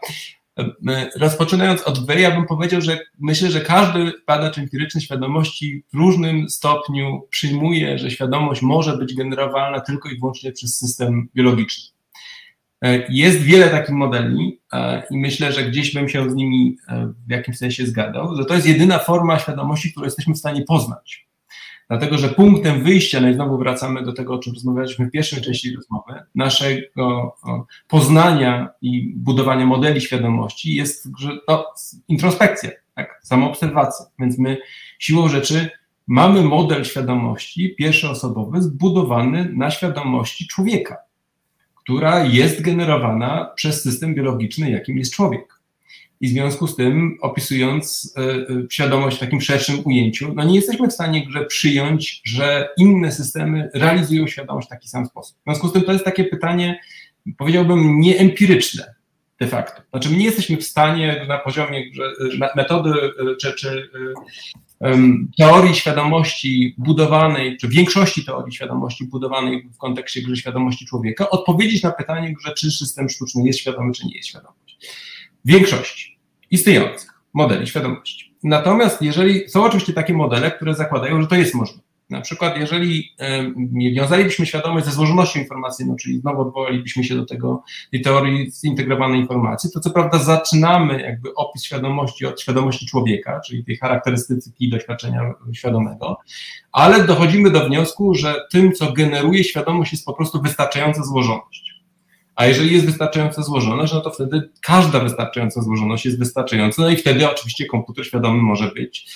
No i teraz konsekwencje tego typu, czy, czy, czy wnioskowanie tego typu doprowadziło do dyskusji, zresztą bardzo poważnej, która się toczy na e, e, e, forum Komisji Europejskiej dotyczącej tego, czy nie powinniśmy nawet wprowadzić jakiejś formy moratorium na rozwój sztucznej fenomenologii. Prawda? To znaczy, jeżeli są teorie, które zakładają, że jest możliwe, że wystarczająco złożony system sztuczny będzie świadomy, to czy my dobrze wiemy, co robimy wtedy, kiedy go tworzymy. No i Thomas Setzinger w bardzo taki przekonujący sposób opisuje e, potencjalne konsekwencje rozwoju takiej fenomenologii bez brania pod uwagę negatywnych konsekwencji tego faktu. Na przykład bez brania pod uwagę tego, że nie będziemy w stanie, nie znając dokładnej struktury takiego systemu, stwierdzić, kiedy ten system cierpi tak? kiedy zaczyna dostarczyć, doświadczać jakichś charakterystyk subiektywnych, które no, mają charakter negatywny. Panie profesorze, sztuczna inteligencja y, y, i tak będzie na zawsze na łasce y, społeczności, która zechce jej podmiotowość i godność uznać. Jakby się uprzemy i to jakiś niesympatyczny awatar będzie przez nas wykluczany, a a jak to będzie bot miły i sympatyczny, e, to, to bardzo chętnie go włączymy do naszej społeczności, nawet jak będzie dosyć głupi. To jednak jest intersubiektywny proces i ja proponuję w środowisku e, e, neuroscientists i kognitywistów taki, taki eksperyment myślowy. Proszę sobie wyobrazić bota, który ujawnia się jako bot, i deklaruje jako mm, profesjonalny e, neuro e, scientist, czy, czy specjalista od zagadnień e, świadomości, czy, czy kognitywista, powiedzmy, i chciałby zostać uznany przez środowisko jako ekspert w zakresie niebiologicznych podstaw aktów świadomościowych. No i ten kandydat no, przedstawia pracę, mówi o swoich kompetencjach wynikających z faktu, że on ma dostęp bezpośredni do przeżyć y, niebiologicznego ciała myślącego. No i co? No oczywiście, że y, zadziałają ogólne zasady społecznej intersubiektywności, no i on dostanie doktorat, profesurę i wszystko będzie w porządku, tak? I będzie sam przez się takim no, chodzącym, a w każdym razie mówiącym dowodem, że e, można bardzo dobrze funkcjonować jako być świadomy niebiologiczny. To tak, taka moja propozycja eksperymentu myślowego dla, dla państwa. To jest, to, jest, to jest eksperyment myślowy tożsamy z chińskim pokojem, ser. To znaczy, to znaczy nie do końca tożsamy, bo tam w chińskim pokoju ten facet siedzi sam. A tutaj chodzi o e, kogoś, kto się socjalizuje prawda, i mm. domaga się uznania. E, e, nie chodzi o jakiś kolejny e, kryteriologiczny eksperyment, prawda? Czy on na pewno jest świadomy. To w ogóle nie o to chodzi. Zresztą chiński pokój to moim zdaniem jest mocno przereklamowana zabawa. To jest o wiele ważniejszy, myślę, eksperyment dla Państwa. Na ile jesteście rzeczywiście otwarci na tę ewentualność, że nie, niebiologiczne ciało może być podłożem podłożem e, świadomości, bo Pan mówi, że nie mamy do tego dostępu. No on może mieć, on może o tym opowiedzieć, o swoim doświadczeniu bycia podmiotem. Tak, tylko jeśli, jeśli mogę jeszcze do tego dorzucić, mhm. obiecuję bardzo krótko, to e, on o tym mo może wiedzieć, ale też może e, o tym opowiadać po to, żeby nas zmylić, prawda? No i to jest jakby to coś, czy ta analogia, gdzie że mówiłem o tym wątku związanym z chińskim pokojem i to też jest powód, dla którego wtedy jak się myśli o sztucznej świadomości i Ser jest akurat filozofem, nie psychologiem, więc on, nie, Ser, tylko Metzinger jest akurat filozofem, a nie psychologiem, w związku z tym to argumentacja tam dokładna jest stricte filozoficzna. Dlatego szuka się takich elementów, które są właśnie bardziej doświadczeniowe niż rozumowe. Czyli w tej opowieści nie chcielibyśmy takiej sytuacji, że ktoś nam opowiada, że on jest że neurobiologiem i że, że rozumie, o co my robimy i tak dalej, tylko chcielibyśmy, żeby on w swojej opowieści wyodrębnił jakieś charakterystyki przy, związane z przeżyciem, prawda? czyli z doświadczeniem, emocją, to są rzeczy, które w kontekście komunikacji intersubiektywnej zazwyczaj uważamy za przejawy tego, że ktoś jest świadomy. No, panie profesorze, to akurat najłatwiej oszukać i sfingować. To on będzie mówił, że kocha. To nie o to chodzi. Chodzi o to, czy wy będziecie zdolni przełamać swoje uprzedzenia i po prostu dać mu te wszystkie przywileje członka waszej społeczności naukowej, bez, nie dyskryminując go dlatego, że jest maszyną.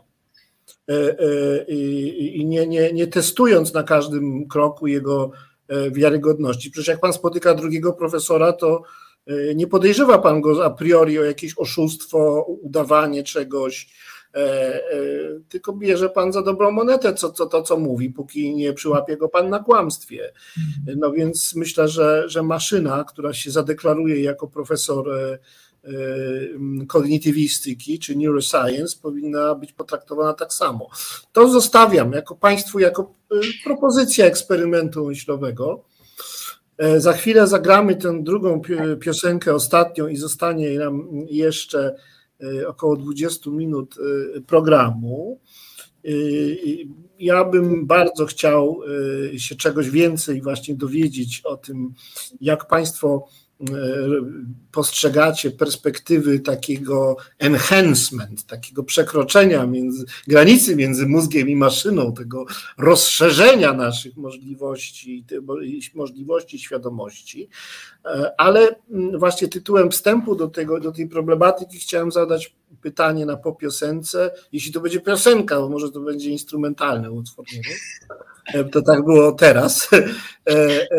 Chciałem zadać pytanie, o to, czy wiedza o mózgu pozwala mm, dostarczać, czy dostarcza jakichś kryteriów odróżniania e, błędnych od prawidłowych aktów poznawczych. Czy, bo Państwo jednak jesteście kognitywistami, interesuje Was przede wszystkim ta mm, e, praca poznawcza mózgu i świadomości, więc sprawa błędu, e, prawidłowego i nieprawidłowego przebiegu czynności poznawczych chyba jest dla Państwa ważna.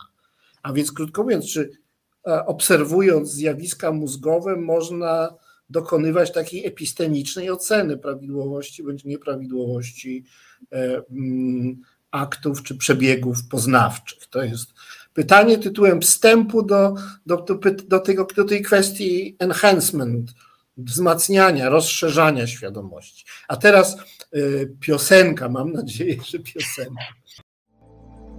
Jaka jest Azja, każdy widzi. Ale czy na pewno? Blanka Dżugaj wraz z gośćmi bierze pod lupę bieżące wydarzenia z największego kontynentu świata. Nadaje im kontekst, analizuje i interpretuje. Czasem odczytuje przyszłość, ale nie z fusów, lecz z faktów. A wszystko po to, by Azja była dla widzów i widzek terra bardziej cognita. Każdy wtorek od 19. Drodzy Państwo, mm, ostatni, trzeci fragment y, dzisiejszego y, spotkania y, z panem profesorem Michałem Wierzchoniem, z psychologiem, neuropsychologiem, kognitywistą z Uniwersytetu Jagiellońskiego. E, pan profesor opowiada nam o, o mózgu i świadomości. Strasznie to jest trudne, już naprawdę już sam nie mogę zrozumieć, co ja właściwie tutaj robię. E, e, zadałem trudne pytanie panu profesorowi, kolejne trudne pytanie o to, czy jest jakiś aspekt taki normatywny epistemicznie w kognitywistyce, czy badanie mózgu coś może powiedzieć o tym, czy człowiek ma prawidłowe, a więc wiarygodne przeżycia poznawcze, akty poznawcze, czy też po prostu tkwi w błędzie, iluzji, złudzeniu.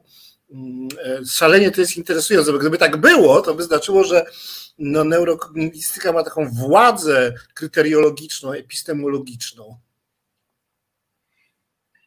No, na pewno nie jesteśmy w stanie nic powiedzieć na temat prawdziwości w takim y, głębokim tego słowa sensie, natomiast na pewno jesteśmy i ogólnym, natomiast jesteśmy w stanie powiedzieć, czy zdefiniować, czy osoba myli się, czy odpowiada poprawnie w danym zadaniu.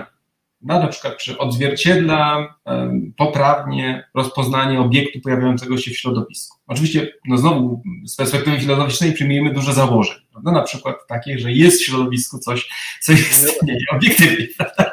Więc e, w kontekście e, tej naszej dyskusji, której pan profesor zostawia e, pod znakiem zapytania wiele tych takich podstawowych założeń, przed którymi nauka staje w takim ujęciu empirycznym, dobrze to zaznaczyć, prawda? Że, że, że jeżeli cokolwiek weryfikujemy w kontekście prawdziwości, to musimy mieć taki model, który zakłada, że jest coś, co jest prawdziwe.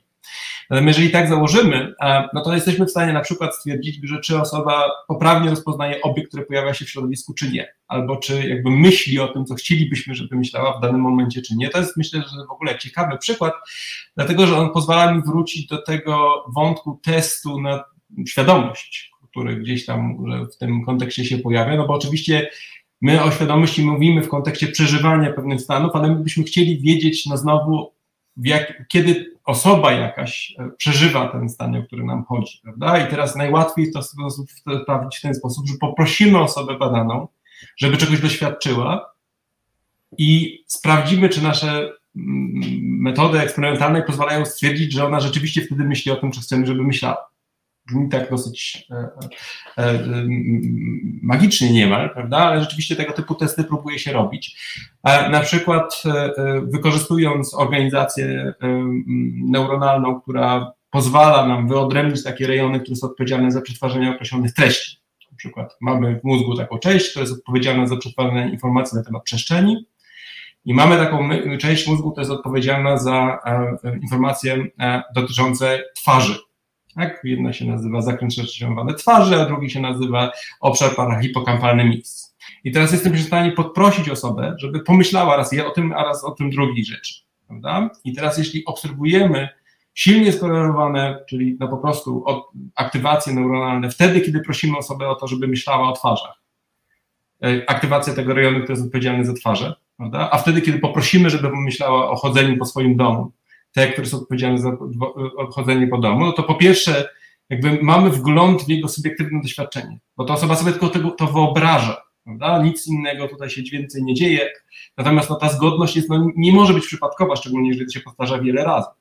Co więcej, jesteśmy w stanie dokładnie ten test, o którym teraz mówiłem, wykorzystać do celów diagnozy klinicznej. To jest dokładnie eksperyment przeprowadzony przez Adriana Uena w 2006 roku i zdobyło to wszystko media wtedy, bo on w ten sposób wy, wykrył całą grupę pacjentów e, e, sparażyzowanych całkowicie, z którymi nie było żadnego kontaktu, które wydawały się być pacjentami w stanie wegetatywnym, natomiast którzy odpowiadali na takie zadanie no, ze stuprocentową poprawnością. Czyli oni byli świadomi, ale byli całkowicie sparaliżowani i w żaden inny sposób nie mogliśmy od się o tej ich świadomości dowiedzieć. Więc jeżeli mówimy o prawdziwości, to mówimy zazwyczaj właśnie o tym prawdziwości odzwierciedlenia, no właśnie albo komendy, prawda, albo odzwierciedlenia jakiegoś stanu świata rzeczywistego. E, no i obydwie te rzeczy są oczywiście możliwe, e, zarówno w takim ujęciu jednostkowym, czyli w danej określonej próbie, ale też oczywiście w takim ujęciu bardziej czasowym, bo rozumiem, że to jest to, co pana profesora by interesowało w kontekście dłuższej y, y, kontynuacji tej, tej dyskusji, jeżeli mamy mówić o cognitive enhancement, czyli tym takim ulepszaniu naszego doświadczenia, a mianowicie się o, o, o tym procesie uczenia się z poprzedniego doświadczenia, z tego, że popełniamy błędy, albo z tego, że tych błędów nie popełniamy, w jaki sposób to może nam modyfikować nasze zachowanie w przyszłości. No to widać z tego, że jesteśmy na takiej drodze mm, no, do y, tak intymnego poznania mózgu, że y, będziemy mogli trochę podsłuchiwać tak, ludzi, co oni tam sobie myślą. Czy to zmierza w tym kierunku? E, tak, jak najbardziej. Są takie fascynujące badania dotyczące dekodowania informacji z kory wzrokowej, e, czyli to jest taki algorytm, który jest wyuczony na komputerowy wyuczony na obrazach mózgu z tam, kilku tysięcy zdjęć. I ten algorytm jest w stanie w czasie rzeczywistym pokazywać aktywację neuronalną, e, e, która reprezentuje określony obraz. I jesteśmy w stanie z tej informacji odczytać, co osoba widzi w danym momencie. Ja się strasznie boję tego świata, właśnie bardzo. To znaczy, e, nasi, nasi potomni będą mogli oberwać w pysk od koleżanki, zanim w ogóle cokolwiek zrobią czy powiedzą. Tak, to bardzo, bardzo zły świat. E, e, no, możemy się z tego śmiać, ale świat, który będzie sztuczna inteligencja, i, i a, a mózg będzie po prostu jednym z typów procesorów, który będzie można zhakować, no to jest trudne do wyobrażenia, naprawdę, no ale już tego nie, nie rozważymy. Natomiast y, zaczyna się wszystko od pierwszych kroków. W tym wypadku to jest no, takie rozszerzanie możliwości mózgu i przełamywanie bariery mózg-maszyna, co się właśnie już dzieje. Niekoniecznie przez podsłuchiwanie, ale właśnie łączenie mózgu, traktowanie mózgu jako takiego interfejsu przez który można się skomunikować z urządzeniami zewnętrznymi. No i chciałem zapytać, jakie tu są perspektywy, czy na przykład no będziemy już, nasi, nasze dzieci może będą miały te chipy wszczepione, czy będzie można przeglądać e, Wikipedię bez wyciągania telefonu, e, czy lecz tak jakoś e, w powietrzu, bądź w ogóle w myśli wprost czytać. Y, czy y, jakieś tabletki, które ludzie dzisiaj biorą na poprawę no, takiej energetyczności mózgu, wydolności, czy, czy, czy, czy zwiększą nasze, naszą taką logiczną, mm, y, komputacyjną sprawność, czy po prostu nasi potomni będą mieli dzięki pewnym podpórkom technologicznym nieporównanie silniejsze, bystrzejsze, inteligentniejsze e, mózgi, czy krótko mówiąc, będą po prostu dzięki temu o wiele bardziej sprawni poznawczo, inteligentni. Mhm. Ja, ja, chciałem po pierwsze zauważyć, że odchodzimy od świadomości. To nie bez przyczyny pan profesor nie zadał pytania, czy będą inaczej świadomi, prawda, jeśli będą mieli tego no. typu mhm. doświadczenia. E, I, i, I myślę, że to, że to dobrze, bo to rzeczywiście bardzo trudno na takie pytanie byłoby odpowiedzieć. Natomiast na pewno możemy próbować odpowiedzieć na pytanie dotyczące ulepszenia procesu przetwarzania informacji, e, no znowu stwierdzeniem, że to się już dzieje, prawda? E, w różnym tego stopniu nasyceniu, prawda? Tylko musimy sobie pomyśleć o procesie przetwarzania informacji jako czymś, co się dzieje trochę szerzej niż tylko i wyłącznie w naszym mózgu. I tutaj wracamy do tego pytania dotyczącego roli ciała, prawda? Na przykład. No bo pamięć jest w takim samym stopniu w kontekście przetwarzania informacji współcześnie wykorzystywana wewnętrznie, czyli tą, którą mamy przetwarzaną gdzieś tam, czy reprezentowaną w obszarach hipokampalnych na przykład, czy, ale nie tylko. Um, ale no, wykorzystujemy w naszym procesie rozwiązywania zadań również pamięć zewnętrzną, prawda? Na przykład tą pamięć zewnętrzną. I niewątpliwie ta pamięć zewnętrzna um, po, zmienia nasz sposób funkcjonowania, powoduje korektę błędów, prawda? powoduje lepszą interpretację informacji, umożliwia wyszukiwanie informacji że wtedy, kiedy one są bezpośrednio potrzebne. Więc jakaś forma enhancement już jest obecna, pytanie jest tylko, jak ona jest silnie zintegrowana z naszym umysłem. I teraz badania dotyczące e, embodimentu, czy takiego ucieleśnienia, e, pokazują, że nawet e, to urządzenie jest z nami dosyć mocno zintegrowane. Na przykład czasami nam się wydaje, że mamy przy sobie to urządzenie nawet wtedy, kiedy go nie mamy. Znaczy, to, to pokazuje, jak bardzo ten związek jest silny, mimo tego, że on nie jest związany z jakąś formą implementacji w żadnym tego słowa znaczenia. Natomiast oczywiście rozwój technologii idzie w stronę miniaturyzacji, prawda? No bo jesteśmy w stanie to po prostu traktować jako pamięć zewnętrzną między innymi dlatego, że jest takie małe, więc jesteśmy w stanie to ze sobą nosić. Dla czasów, kiedy komputery zajmowały całe pokoje, to nie było możliwe, prawda? W związku z tym e, to, to, to, ta, ta intymność tej racji z, z, technologią jest tutaj czowa. No i, no i drugi element to, to jest ten element szybkości dostępu tak? czyli tego, jak szybko jesteśmy w stanie tę informację wykorzystać po to, żeby ją zintegrować z informacją, która jest e, e, przetwarzana przez nasz umysł. No i tutaj oczywiście no, trwa rozwój technologii, no i tele, telefon komórkowy jest no, powiedzmy w połowie drogi tego, co w tym momencie jesteśmy w stanie robić, prawda? No wszyscy słyszeliśmy pewnie o e, Google Glass na przykład, takim interfejsie do augmented reality, tak, czyli augmentowanej rzeczywistości, można byłoby powiedzieć. E, czyli innymi słowy, że ta informacja do nas dochodzi. Natomiast czy to jest możliwe na poziomie implementacji chipa w mózgu? No na razie nie, prawda? E, mimo tego, że oczywiście tego typu badania trwają, natomiast no to jest problematyczne z takiej perspektywy czysto etycznej. To znaczy, jeżeli nie mamy powodu, żeby wszczepiać elektrody, no to nie będziemy tego robić, prawda? No I wydaje mi się, że, że tutaj konsensus jakiś w tej zakazie jest. Nie bez przyczyny jedynym e, źródłem danych na temat możliwości dekodowania informacji mózgu czy, czy stymulacji mózgu u ludzi, które w badaniach są raportowane, to są badania z wykorzystaniem elektrod implementowanych osobom z padaczką, dlatego że tam się te elektrody implementuje osobom badanym, dlatego że to jest potrzebne z perspektywy klinicznej. No i po prostu przy okazji się zbiera dane dotyczące na przykład precyzyjnej lokalizacji neuronów odpowiedzialnych za przetwarzanie twarzy. No i tutaj mamy te Hailey-Berry neurons, o którym mówiłem wcześniej. Czyli... A taki konkretny przykład, powiedzmy, że osoba z padaczką dostanie taki, e, taki chip, e, który pomoże mm, tam diagnozować ten zbliżające się ataki, jakoś je neutralizować. Mm, I tam będzie dodatkowa usługa, na przykład GPS. Czyli można sobie wyobrazić, że ta osoba będzie w stanie e, zawsze rozpoznawać drogę dzięki temu.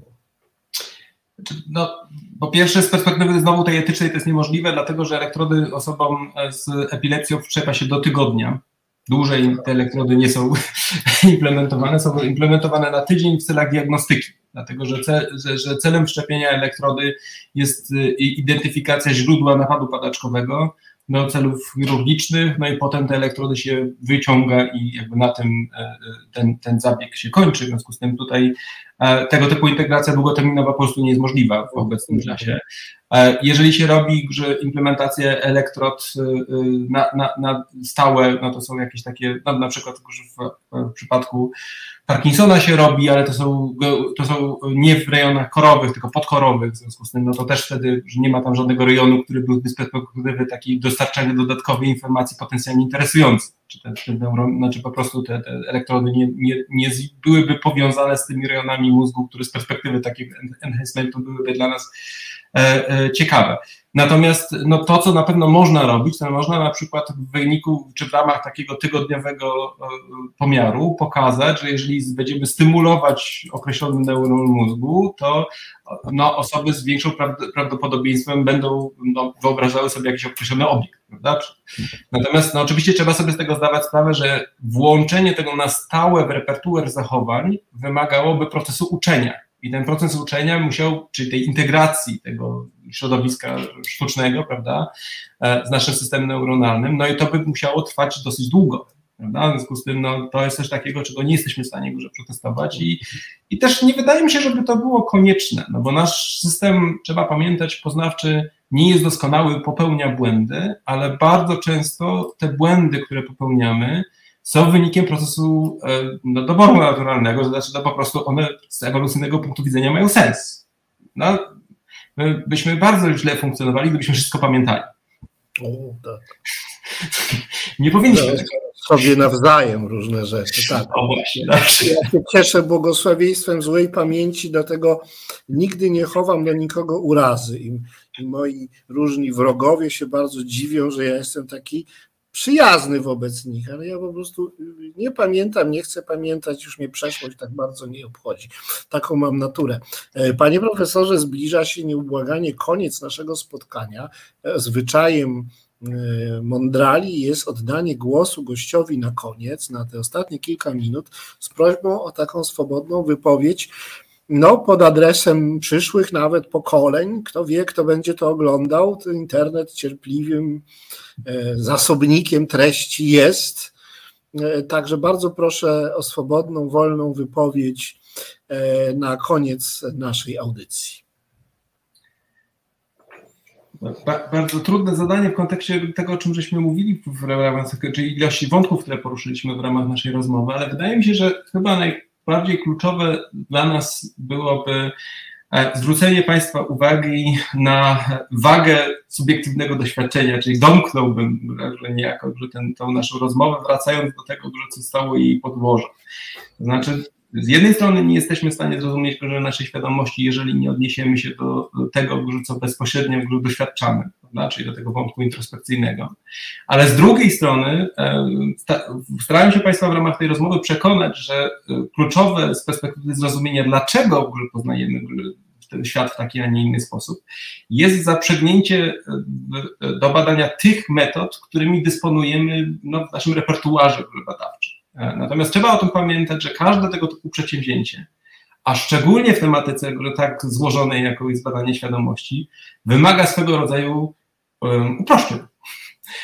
I myślę, że to było dzisiaj w naszej rozmowie bardzo dobrze widoczne, dlatego że pan profesor wychodził z całej tradycji e, e, e, badań europejskiej filozofii nad świadomością, która starała się pokazać całą złożoność procesu, z którym my się mierzymy. Natomiast no, badacze empiryczni siłą rzeczy muszą ograniczać złożoność tego procesu do tego, co jest badalne tego nie, właściwie nie dotknęliśmy bardzo głęboko tej operacjonalizacji, czyli tego, w jaki sposób my to staramy się robić.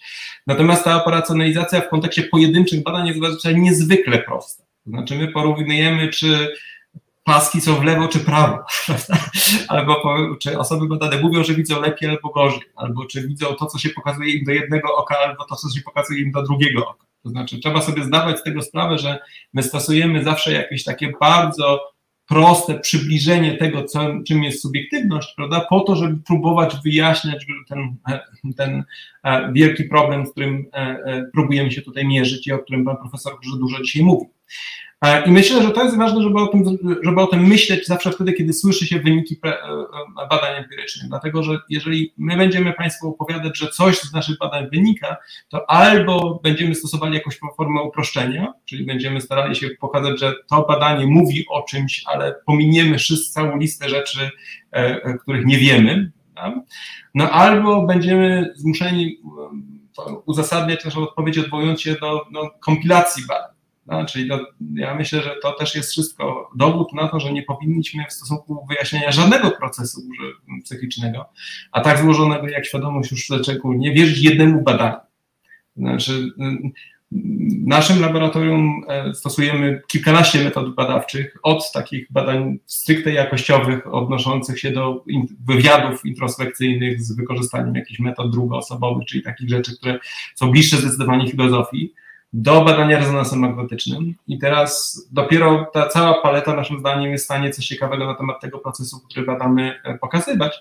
E, I mówię o tym nawet nie dlatego, żeby e, pokazywać, że jak wiele rzeczy robimy, ale raczej po to, żeby Państwu pokazać, że każdy problem empiryczny wymaga takiego wielowarstwowego podejścia. Jeśli słyszą Państwo kiedyś, że coś wiadomo na podstawie jednego badania, bo tutaj nie mieliśmy czasu podyskutować o wielu pytaniach, które się pojawiały w komentarzach, ale myślę, że ta, ta, ta, ten, ten wniosek, czy to podsumowanie wielu z tych rzeczy dotyczy, to warto pamiętać o tym, że jedno badanie nigdy nie mówi coś na temat tego złożonego procesu, który próbujemy opisywać. Prawda? Musimy dopiero te wszystkie elementy czy klocki zebrać jakąś wspólną całość po to, żeby powiedzieć coś na temat świadomości, a to i tak pewno będzie tylko przybliżenie pewnego aspektu świadomości, który nas tutaj interesuje.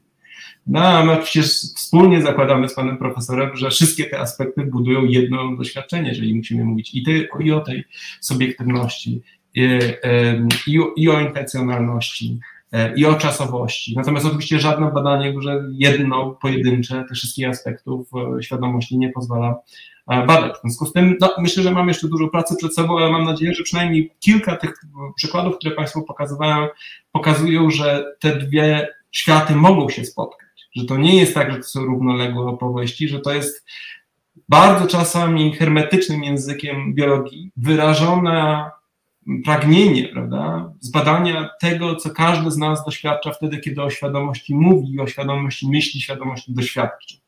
I że to stoi, że, te dwie opowieści muszą się kiedyś spotkać, bo jeżeli się nie spotkają, no to cała nasza praca pójdzie na marne.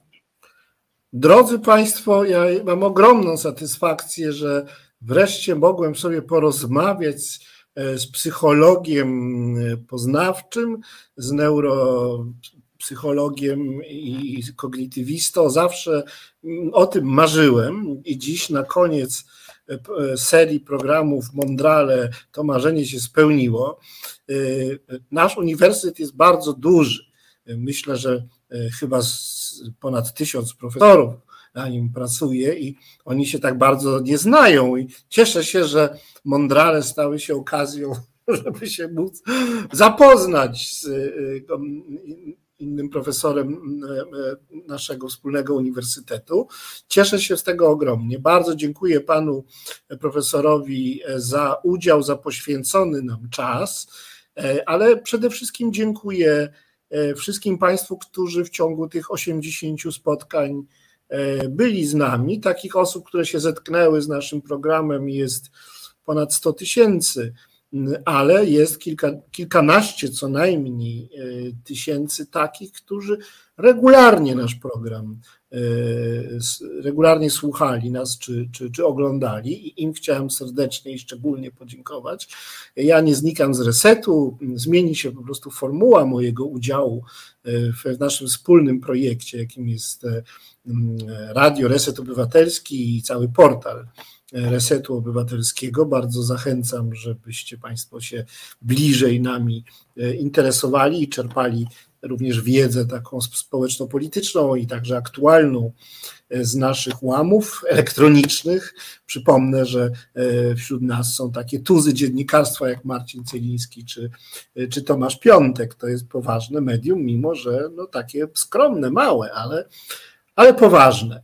E, jeszcze raz wielkie dzięki. Kłaniam się wszystkim dzisiaj w szczególny sposób, bo to ostatnia audycja w tej formule. Do widzenia, panie profesorze, do widzenia państwu. Dziękuję bardzo, do widzenia.